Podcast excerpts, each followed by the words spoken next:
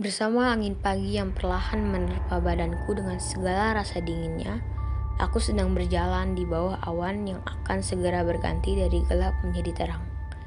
Dengan segala kenyataan hidup yang sedang aku lalui, sebuah kehidupan yang sebelumnya tak pernah terbayangkan akan menjadi seperti ini. Sekedar tempat tinggal saja harus sampai menumpang di rumah paman. Keadaan yang tidak bisa ditolak, kecuali menerimanya dengan lapang dada. Beberapa warga yang berpapasan denganku jelas langsung melihat ke arahku dengan tatapan heran. Apalagi seorang anak laki-laki dari Akbar Pradipta, pemilik material kayu paling besar di kota ini, harus berjalan kaki melewati beberapa rumah warga dan sekarang sedang berdiri di pinggir jalan untuk menunggu angkutan kota yang melintas. Beberapa kali aku melihat handphone, beruntungnya masih menjadi salah satu yang paling terbaru di tahun ini menanti balasan pesan dari Gama. Beberapa kali panggilan telepon sama sekali tidak Gama angkat. Ayolah Gam, angkat teleponnya. Ucapku mulai cemas. Apalagi angkutan kota belum ada yang terlewat. Eh, Arya, tumben bawa tasnya besar sekali.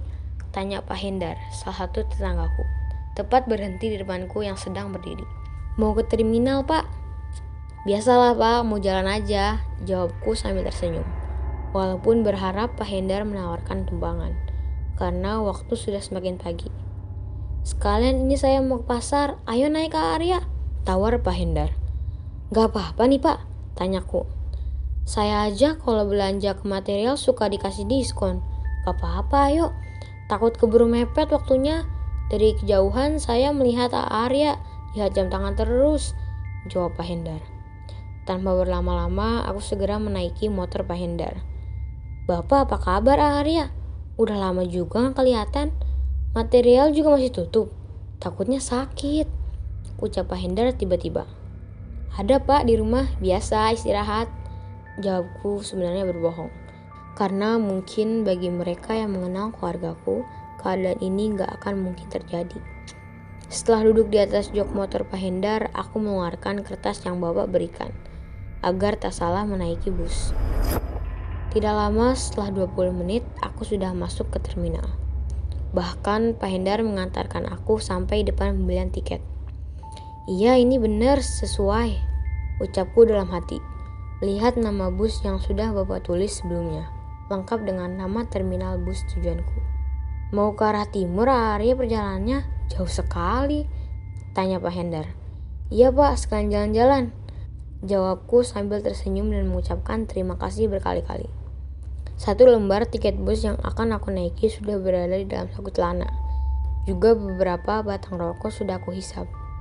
Gama sama sekali belum membalas pesan yang aku kirim, membuatku semakin cemas. Aku hanya duduk sambil memperhatikan orang-orang yang berada di dalam terminal.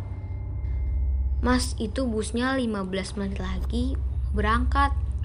Udah bisa nunggu di dalam, Ucap mbak penjaga tiket. Iya mbak, jawabku. Sebuah bus berwarna putih sudah terparkir tidak jauh dari tempat aku duduk. Sementara kedatangan Gama belum juga terlihat. Malah kalah cepat dengan cahaya pagi yang sudah terlihat semakin jelas. Beberapa penumpang setengahnya sudah memasuki bus karena pintunya sudah terbuka. Sementara aku masih menunggu Gama sambil terus melihat handphone memberikan kabar kepada ibu dan juga kakak perempuanku. Bahkan pesan yang kirim kepada Kang Banu memberitahu aku akan datang ke rumahnya sama sekali belum dibalas. Arya, maaf aku telat, jemput Budi dulu. Gam, ucapku langsung berdiri. Melihat Gama yang sudah lengkap dengan seragam mengajarnya. Ini Budi yang sering aku ceritain, ucap Gama. Lihat seseorang yang baru aku lihat. Rambut gondrongnya langsung berbisik pada Gama. Gam, waktunya gak banyak. Kasih tahu aku kenapa dengan desa itu, ucapku. Kenek bus sudah beberapa kali berteriak tujuan terminalku agar segera menaiki bus.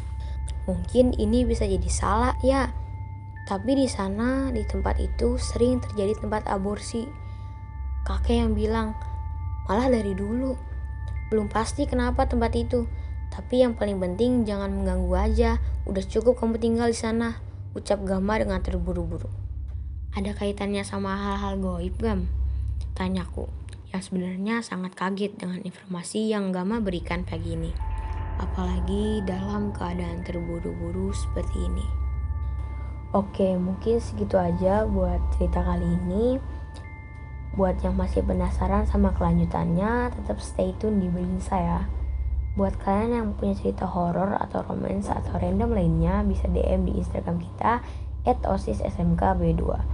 Makasih udah dengerin podcast Berinsa. See you.